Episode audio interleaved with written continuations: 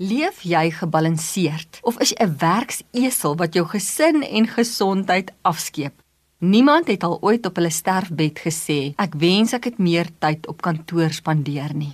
Wanneer mens streef na sukses en wanneer jy dalk 'n go-getter is, dan is dit maklik om jou lewe uit balans te gooi.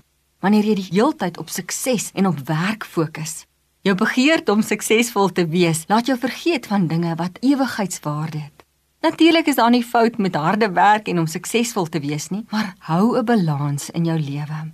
Ons trap ook maklik in die struik om te dink as ons harder werk en meer goed en geld het en meer vir ons kinders kan gee, dan sal hulle gelukkiger wees.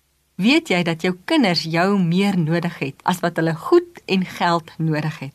Partykeer werk ons so hard en dan moet ons al daai geld op mediese koste spandeer, want ons werk onsself in 'n stresbol in, ons werk onsself siek.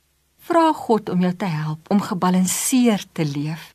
Streef dinge na wat ewigheidswaarde het, soos jou verhouding met God en jou verhouding met mense. Mense kinders raak so vinnig groot en hulle is nie altyd by jou in die huis nie. So koester hulle. Die Amerikaanse teoloog Leonard Sweet sê in sy boek From Tablet to Table dat in 1950 het mense vir 90 minute lank aandete geëet. Maar vandag eet ons maar vir 12 minute lank aandete as ons ooit saam aandete geniet. Ja, ons moenie so haastig en gejaag lewe nie, né? God nooi ons 585 keer in die Bybel uit om by hom te rus.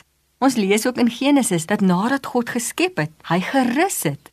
Rus is vir God belangrik. In Eksodus 20 vers 9 staan daar: "Ses dae moet jy werk en alles doen wat jy moet, maar die sewende dag is die Sabbat van die Here jou God. Dan mag jy geen werk doen nie." Rukkie terug sê iemand vir my iets wat my nogal onkant betrap het. Toe ek al vertel hoe besig ek is en dat ek gestres voel en dat ek gejaag is, dis sê sy vir my Liesel, jy moet versigtig wees om te dink dat jou oorlewing van jouself afhang.